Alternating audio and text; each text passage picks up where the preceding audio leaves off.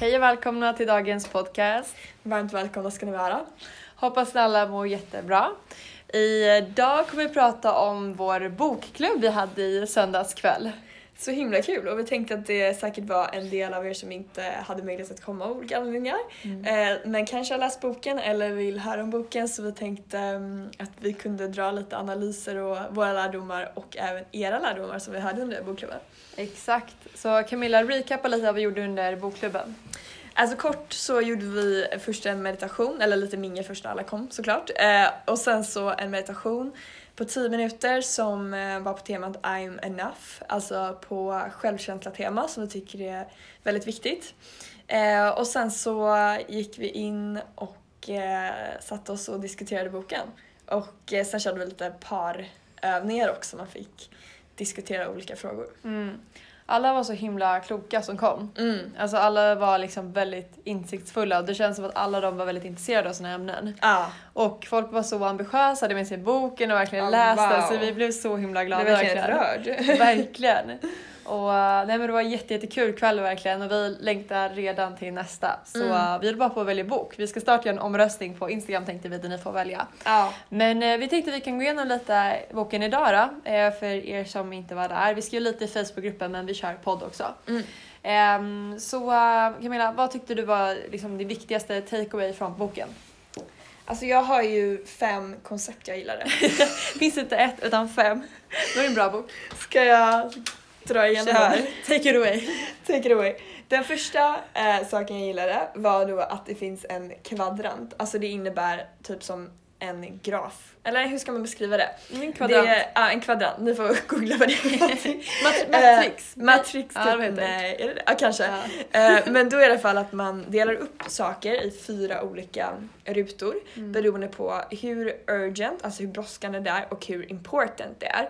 Så då kan det till exempel vara då urgent but not important eller important but not urgent eller Mm. important and urgent eller not important and not urgent. Mm. Så det är de fyra grejerna.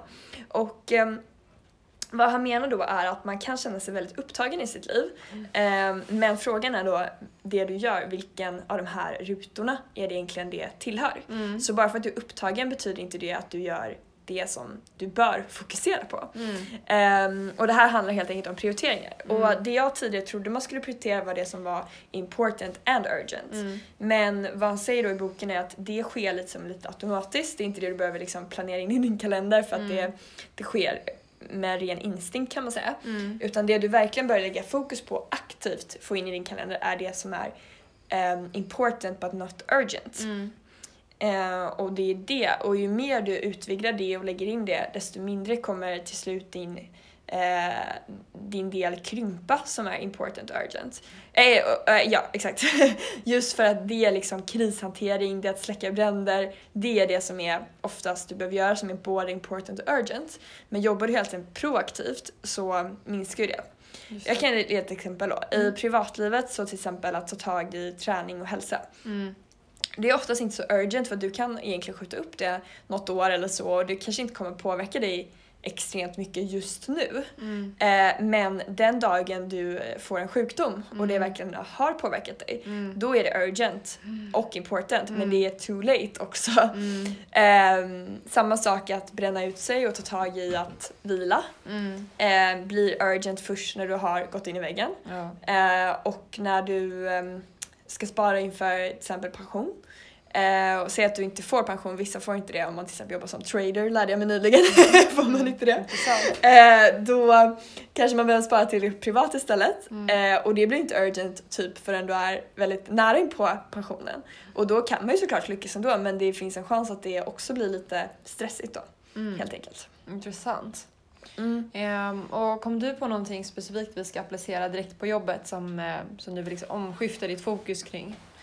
Ehm, ja, alltså den var faktiskt bra. Eh, en grej vi, jag ville börja jobba med nu som, jag vet inte om det var just på den kvadrant, det var just den här insikten, men det var till exempel att börja, börja bygga mer communitykänsla i eh, bland våra investerarmedlemmar då. Mm. Eh, och det kanske inte är super urgent men jag kände att det var väldigt viktigt av olika anledningar. Det är jättebra. Ehm, och mycket sånt kan vara i den kategorin till exempel olika typer av relationsbyggande och sådär. Mm. Varumärkesbyggande kanske också. Mm. Ehm, ja.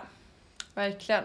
Och jag tycker också man lägger mycket tid på det som är urgent och not important. Mm. Alltså direkt när man kommer till jobbet så tar man upp mailen och, eh, och börjar svara. Ibland är inte ens det urgent, det kan vara så saker man, som, alltså not urgent, not Mm. important. Ehm, och det känns verkligen som slöseri med tid. Så att eh, Mm. man får verkligen, eh, man borde kategorisera ens uppgifter under dagen.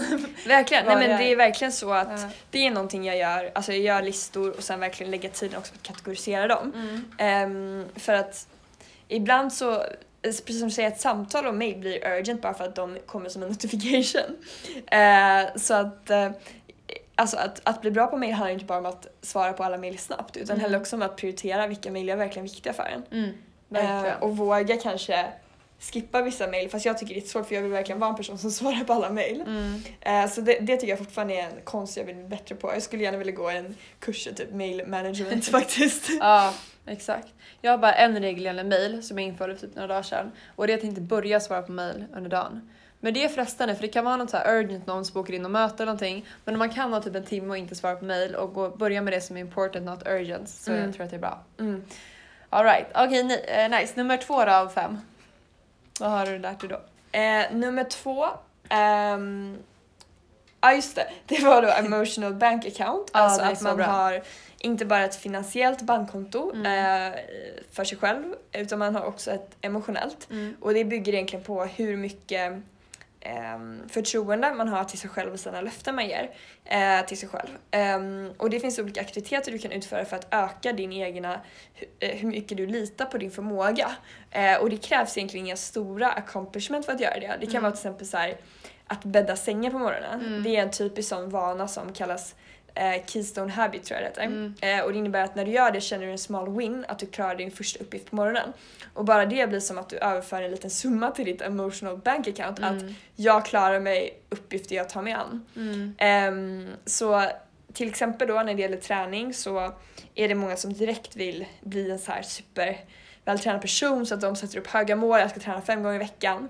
Men du kanske är, det här låter ju väldigt hemskt, men du kanske ligger på negativt redan på Mm. ditt emotional bank account, att du har försökt det en massa gånger. Mm. Så att du gillar att sätta upp det höga men sen så, så, så utför du det inte. Mm. Och då har du inte så högt förtroende till dig själv för att du har svikit dig själv många gånger.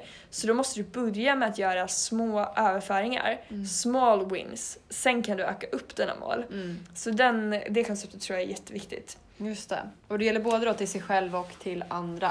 Till andra Ja. Och så till andra kan man ju fundera på så här, vad skulle vara en överföring Mm. i vår trust eller så här. Det kan vara att man lyssnar mycket på någon eller det kan vara att man verkligen uppmärksammar någon Mm. som gjort något bra Mm. eller vad det nu kan vara. För ibland känns det som att eh, i vissa relationer, oavsett ah, vilken typ det är, så känns det som att eh, man glömmer bort att man måste göra deposits för Mm. att man ska förbättra dem eller få dem att fortsätta växa. Ibland tror man att man bara kan typ fortsätta som man alltid gjort. Eh, men, eh, men det krävs ändå Alltså att man gör sådana här små liksom, acts av uppskattning lite då och då. Att man liksom, ja, eh, allt ifrån att man kanske bara lyssnar eller bjuder någon på lunch eller vad som helst. Mm. Som visar att man uppskattar eh, vänskapen. Så den tyckte jag var superbra också. Mm. Eh, att kunna visualisera sig på samma sätt som man sparar pengar. Att Ja. samma sätt gäller med förtroende och så. Ja, exakt. Superbra. Ja. Eh, och det som var en intressant tanke som jag tänkte då var att ibland kan man säga så här att när en trust är broken så går det typ inte att reparera. Eller man Mm. kan tänka det, Mm. att det är så himla svårt. Men då kan man kanske tänka det, se det lite som ett kronofogdenfall, Mm. att det, det är på extremt negativt. Men eh, det med små steg framåt kanske det faktiskt går att reparera även när man har tappat förtroende för någon. Mm. Kanske, jag vet inte. Ja, eh, nästa koncept eh, handlar om win-win situationer. Ja. Och denna nämns bland annat i, även i Framgångsboken av Alexander Pärlros. Mm. Eh, men eh, där tyckte jag att det lyftes fram på lite ett annat sätt. Till exempel om man mejlar någon att man alltid ska erbjuda något i utbyte eller sådär så att båda får en win från det. Men här fick jag en lite djupare, eller en annan insikt i alla fall, Mm. eh, som handlar om att jag tror att lose-win situationer har fått Mm. en liten eh, vad ska man säga, mer glänsande roll än vad den borde ha i Mm. samhället. Eh, alltså det vill säga att om någon vill något och någon annan vill något annat och den Mm. ger med sig Mm. så är det nästan skönt, det kanske här är en svensk grej också, man bara åh vad bra, vi kom överens, Ja. typ så. Eh, och man bara gud vad bra att du var snäll och gav dig och nu kom vi överens. Ja. Oavsett om det är jag eller andra parten så enligt den här boken är det inte en optimal situation. Mm. För att någon av de här parterna, den som lose, kommer kanske inte känna sig långsiktigt så tillfreds med det här. Mm. Kanske kommer söka någon annan part som de kan få en win-win med Mm. i framtiden. Ehm, så oavsett om det är du som lose eller den andra så kommer inte det gynna er två och ert liksom, samarbete långsiktigt. Så att söka en tredje lösning där båda kan eh, få win-win kanske krävs lite mer kreativitet eh, men är värt det i det långa loppet. Mm. Jättebra. Men hur skulle en, eh, alltså bara för att man förstår det konkret, hur skulle en win-lose situation se ut? Alltså säg exempel att vi ska samarbeta och eh, jag skickar in en offert på 10 000 kronor. Eh, är det då att jag märker att du inte är nöjd men att jag ändå får igenom det? Är det en win-lose situation då?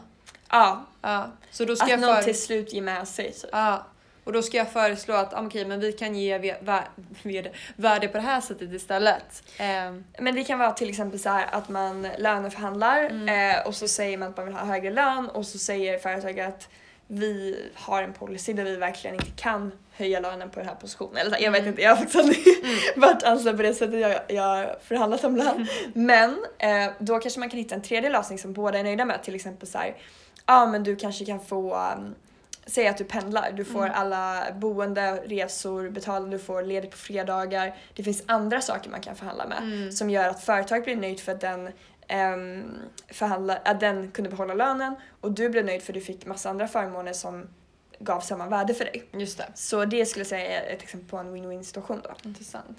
Ja, superbra. Nice, okej vi kör nästa punkt då.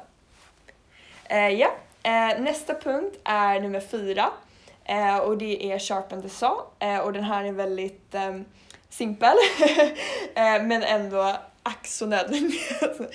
eh, och det handlar om en, alltså det hänvisar till en man kan säga historia där det var en man som sågade ner ett träd och det tog väldigt mycket tid. Mm. Eh, och då så, eh, så frågade någon som frågade varför eh, vässar du inte sågen? Och då sa han Mm. bara, nej men jag är så upptagen med att såga så jag hinner inte vässa. Mm. Eh, och det här kan liksom liknas vid livet, att man kanske jobbar, jobbar, jobbar så men ska du inte liksom vila eller Mm. något annat som får göra att du får mer energi, mer produktivitet. Men då säger man nej men jag är så upptagen med att jobba så jag hinner inte. Mm. Och det tror jag är supervanligt, så här, jag har inte tid eller så här, jag hinner inte men det handlar ju om att du har ju alltid tid, det handlar bara om prioriteringar. Ja, Så här menar man att man ska prioritera att vässa sin liksom, såg, det vill säga att hålla sitt, sig själv, om man ser sig själv som maskin eller som väl ol- oljad liksom, Mm. eller väl omhändertagen. Och det är liksom simpla grejer som att äta nyttigt, träna och vila. mm, verkligen. Eh, och de säger det att man skulle aldrig göra samma sak med, eh, med ett instrument exempelvis eller en bil. Att man bara liksom eh, maximerar Mm. eh, den och kör allt vad man har eller spelar allt vad man har på instrumentet. Mm. Eh, så varför skulle man göra som en människa? Ja. Eh, och det intressanta är att alla böcker, sådana framgångsböcker som Alexander Pärleros och den här boken, de här människorna de är ju bland de mest liksom, upptagna människorna som finns. Mm. Men ändå hittar alla tid för meditation och träning och det tycker jag säger någonting. Ja. Att oavsett hur, eh, hur upptagen man är så, så är det här ändå prio. Mm. Det måste man få in, sömn och träning. Så jag tycker det är jätteintressant. Och det finns några roliga meme som vi såg förut eh, som handlade om att eh, det var typ så här stenåldersbild. Eh, det var en kille som släpade massa massa tunga saker och så kom det förbi någon som ville sälja hjulet honom. Så han sorry I don't have time typ. Och lite samma sak att man, det är i och för sig att man struntar i det som kan effektivisera ens vardag men lite så att man eh, man är så busy eh, att man inte tänker på hur man faktiskt kan jobba effektivare. Mm. Att man faktiskt blir effektivare och mer långsiktig av att träna och, och må bra. Mm. Och när vi pratade förut om förra podcasten Work-Life Balance då tycker jag att det innebär lite, alltså just balance-delen är för mig lite att man hinner med träning eh, och alla de bitarna som gör att man är långsiktig. Mm. Balance behöver inte betyda att man har liksom jättemycket fritid med ingenting utan bara att man känner att mitt liv är balanserat, att jag mår bra. Att man har tid att typ eh, ta hand om maskinen då. Ja. Alltså att se till att den är väloljad. Exakt. Att man inte överanstränger den eller man ska säga. Ja. Alltså hade man haft en maskin, typ jag har till exempel en mixer jag gör smoothies Mm. och jag märker att den börjar så här överhetta typ om Mm. jag gör en smoothie och den så här var, vi, eh, vad heter det, går på tomgång nästan Ja. eh, och det börjar typ ryka eller så, då skulle inte Mm. jag bara nej, får se hur mycket den klarar och så Nej, fortsätta. Då ska man bara oj, nu måste jag nog stoppa lite Ja. och sen kör jag igen liksom. Mm. Eh, så var- att lyssna. Det var intressant också på, under bokklubben. För att eh, det svåra är att veta hur mycket man klarar. Alltså man ska ju alltid prioritera träning och liksom, ja, meditation om man vill Mm. göra det. Men det är ändå svårt att veta hur mycket man klarar. För att alla vi, eh, alla som liksom har höga mål, de vill ju kunna prestera så mycket de kan. Mm. Ibland kan det vara svårt att veta vad är min gräns. Liksom. Ehm, och den vill man ju... Jag tror att med träning och mycket mentala övningar så kan man också expandera den gränsen. Att man blir mer produktiv och man får mer gjort. Eh, så det är också intressant.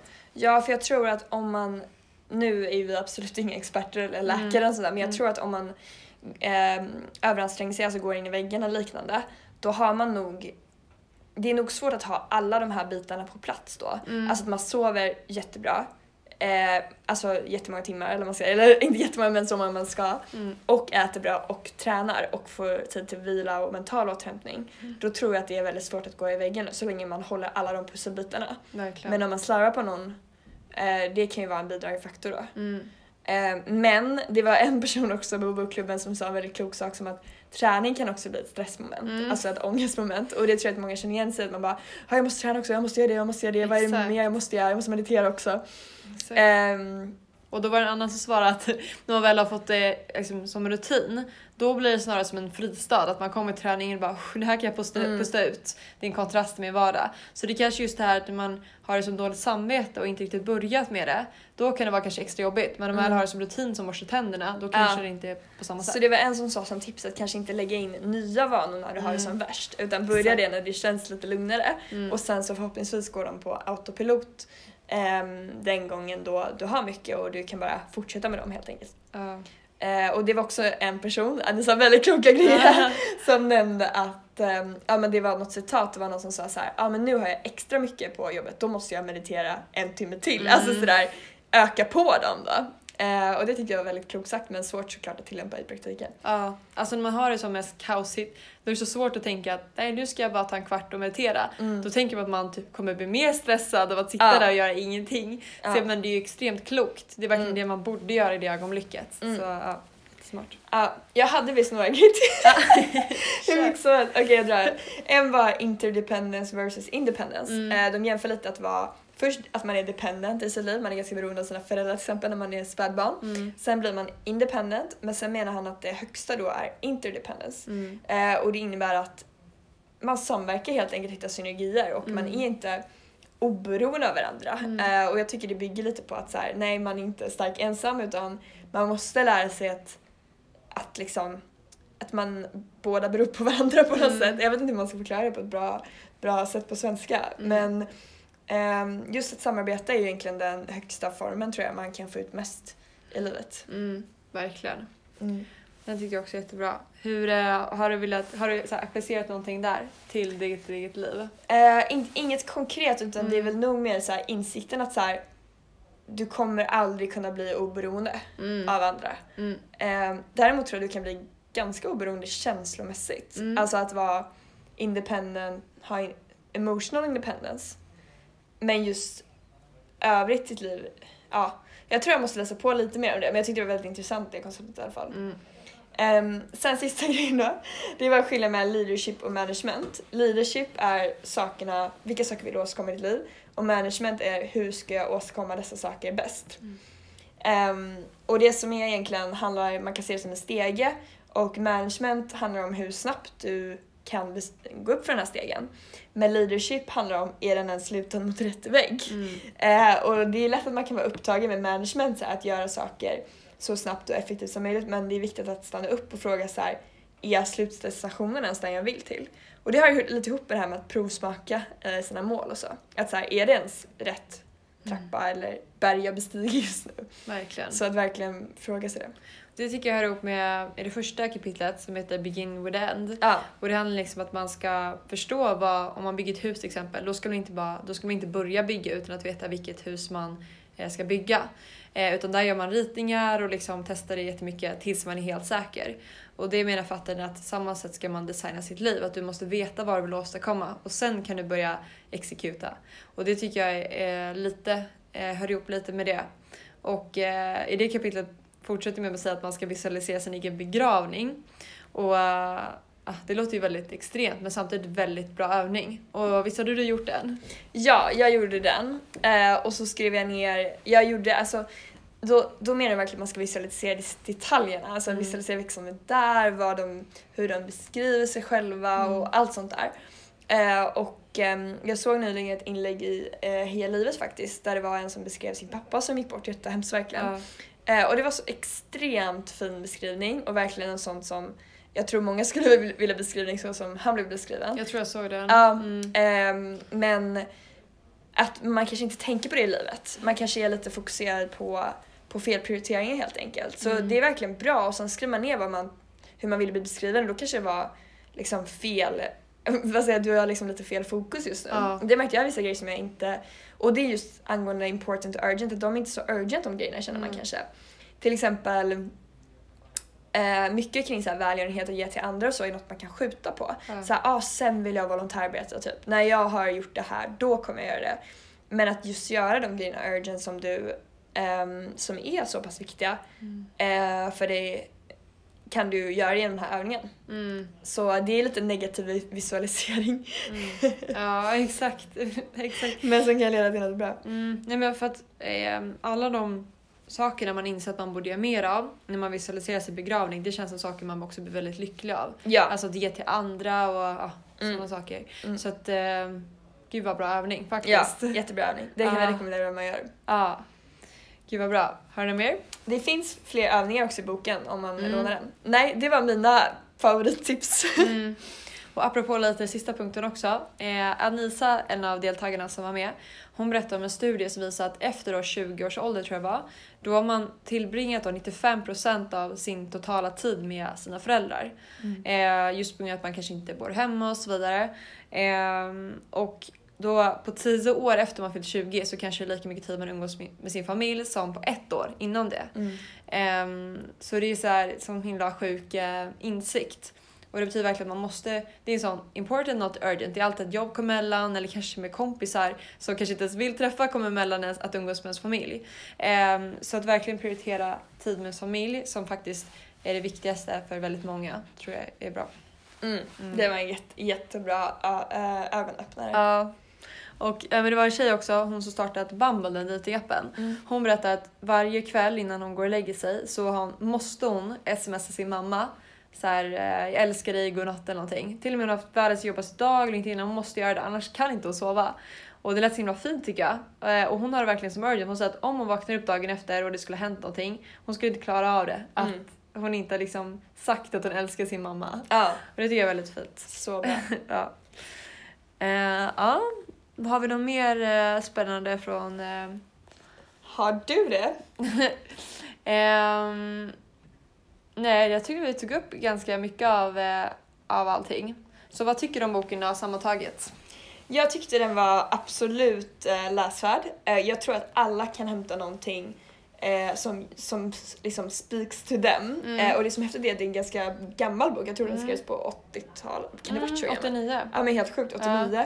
Och är fortfarande så extremt relevant och applicerbar så det känns som mm. den här kommer ju aldrig gå ur tiden. Eh, och någon gång kanske är det någon annan vana som, som liksom speaks to mm. you. Bra engelska. speaks to you. Speak. Uh, men det var till exempel en tjej där, Hanna Grevelius kanske jag kan mm. avslöja, som tyckte just win-win var liksom mest aktuellt för hennes liv just mm. nu för det var en mm. situation hon var i som den var väldigt applicerbar så att man kan nog hitta någonting där för alla tror jag. Ja, verkligen. Men det känns som många av de böckerna som skrivs, typ eh, Dale Carnegie också, de är väldigt tidlösa de böckerna. Ja. Och det finns mycket att hämta. Så jag tyckte också den var superbra boken. Generellt sett tror jag verkligen vanor mm. är så extremt bra investering att lägga tid på att ja. de blir bra. Och den här handlar ju om att få bra vanor så mm. att um, allt sånt är verkligen värt the time and effort för att du kommer få så mycket avkastning vad ska ja. säga, på det i framtiden. Ja, alltså vanor är faktiskt gemensamma nämnaren till, mm. till framgång. Ja. Och det, det är så knäppt tycker jag när man träffar någon eh, riktigt så här framgångsrik person. Eh, att det behöver inte vara att de jobbar extremt mycket, men det är bara att de är konsistent. Oavsett om de har sparat jättemycket eller har byggt ett jättestort bolag. De är bara bra på att ha vanor, eller tränat för den delen också. Att det är bara typ några få timmar per vecka. Men så är det skillnad mellan att vara jätte, ja, stark eller inte. Sen var ju också frågan vad framgång egentligen är. Eh, exakt. För eh, det diskuterade vi också under den här sessionen, vad är definitionen av framgång? Och det Ja. gjorde vi också på Instastory. Ja. Eh, och det är ju superolika. Och för alla är inte det att den klassiska, eller vad man ska säga, Mm. den mer vedertagna versionen. Nej, verkligen. Och det var någon som sa att eh, framgång för henne är bara att leva.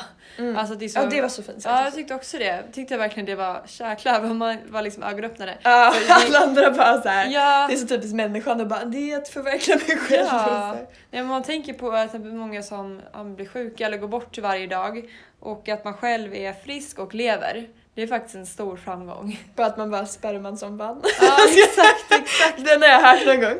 Men hon vände det mer som att det är så många som dör varje dag att man är en av de som inte gjorde det. Mm, det är ju också ett sätt att se på det, att man är en vinnare på grund av det. verkligen. Ja, nej, men jag ska bara, och det där tror jag att varför man tycker det låter typ eh, konstigt att höra det där, att, att framgång är bara att leva. Det är på grund av just att vi är så prestationsfokuserade i vårt samhälle. Ja. Och det var där- därför vi mediterade i början med temat I am enough. Mm. Och det var liksom så här, I am enough. Och det är ganska skönt att höra det. Och det är lite som du är inne på, att man kan utvecklas jättemycket, men man behöver inte må dåligt under tiden. ja, exakt. Man kan ha jättehöga mål men ändå vara supernöjd med Mm. ens tillvaro så länge. Jag tycker hundar är väldigt stor inspiration och det känns som de, de kanske ses som vinnare bara att åh, jag får, alltså så, så simpla saker, bara, "Ah, jag får gå ut och gå, jag får äta mat, Ja. jag får sova, typ. Ja. De är glada för allt. Ja, Eh, och de kanske har det mindsetet, vi vet ju inte exakt vad de tänker men det, det skulle kunna vara så. ja faktiskt. Eh, och de tänker nog att de är enough. Ja. Men det var som hunden vi gick skogspromenad med i helgen. Och man såg hur lycklig han Mm. var hela tiden. Och jag kände bara att jag tror att det blir så kul att vara med hundar för att de ser det roliga i allting. Ja. Så då ser man hur rolig skogen är när man är med en hund som bara älskar allting. Exakt. Ja. Och jag såg ett TED-talk som jag tycker är jättebra, som jag tror hette, du inte jag kan exakt men jag tror hette Life is easy. Mm. Och det låter ju så provo- provokativt, Mm. men det är ju helt sjukt att det är det. För att, ehm, alltså om man tänker alltså life is easy tänker man att nej, det finns så mycket att tänka på. Men är det verkligen så eller är det vi som har skapat allt man måste tänka på Mm. och eh, komplicerar det i onödan? Ja. Kan vara så. Ibland tänker jag att mitt liv skulle kunna vara superenkelt för att vi har en eh, stuga uppe i Storlien som det har varit i. Ja. Eh, man skulle bara kunna flytta dit, bo där, typ till lite matkostnader så kan man kunna göra lite konsultjobb för lite grann och så kan man bara bo där, fjällvandra och liksom Ja. så. Och så enkelt skulle man kunna göra sitt liv om man ville. Ja. Att det finns inga måsten eller så här, utan man kan göra sitt liv hur enkelt man vill. För jag hörde en kompis säga så här. Ja, tänk på hundar som bor i en rik familj och bara sitter Mm. och slappar. Vilket härligt liv. Mm. Men vad, eller det måste inte vara en rik familj, herregud. Men så här, Mm. varför skulle en hund Alltså okej, nu blir det inte väl mycket jämfört med en människa. Men varför skulle inte du själv kunna ha det livet om det är det livet du vill? Men det är väldigt olika vad man vill. Alla mycket frihet Ja, nu känner jag att jag börjar spåra iväg på andra. Vi får nästan köra en ny podcast för alla de ämnena. Ja, Men sammanfattnings, sammanfattningsvis mycket bra bok, Mm. tycker jag. läs den. Jag läst den och eh, vi kommer ha en ny bokklubb snart, kanske om eh, två månader sådär, kanske januari, Ja. februari, vi har inte riktigt bestämt datum. Och eh, ja, vi kommer bestämma en ny bok tills dess helt enkelt. Tack för att ni lyssnade. Tack för att du lyssnade, hejdå!